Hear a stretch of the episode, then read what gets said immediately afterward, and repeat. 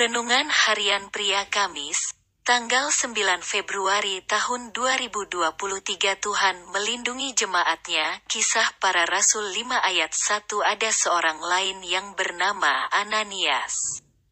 Ia beserta istrinya Safira menjual sebidang tanah. Menarik untuk kita membaca kisah Ananias dan Safira ini dalam kisah para rasul 5 ayat 1 sampai 11. Oleh karena itu bacalah terlebih dulu kisah para rasul 5 ayat 1 sampai 11 ini. Memang ada beberapa penafsiran mengenai kisah Ananias dan Safira ini. Ada yang menuliskan bahwa Ananias dan Safira ini adalah murid-murid yang percaya kepada Yesus. Artinya mereka berdua sudah percaya kepada Yesus.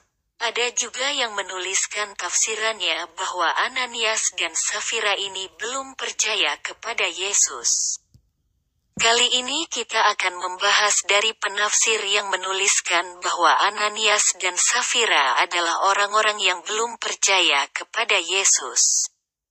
Mereka berdua tertarik kepada kehidupan murid-murid yang menjual harta mereka dan membagikannya kepada yang berkekurangan.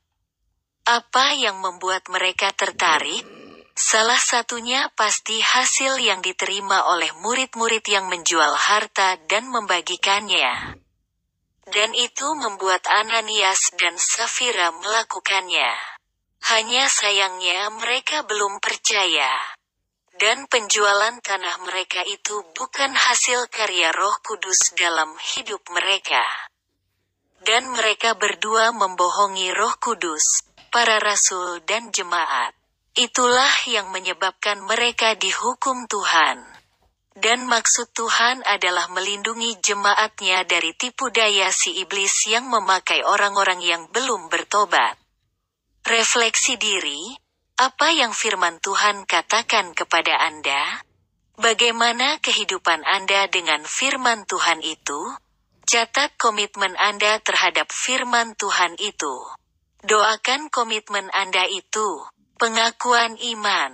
Terima kasih Tuhan ada perlindunganmu bagi jemaatmu dari niat-niat si jahat dan orang-orang yang belum percaya.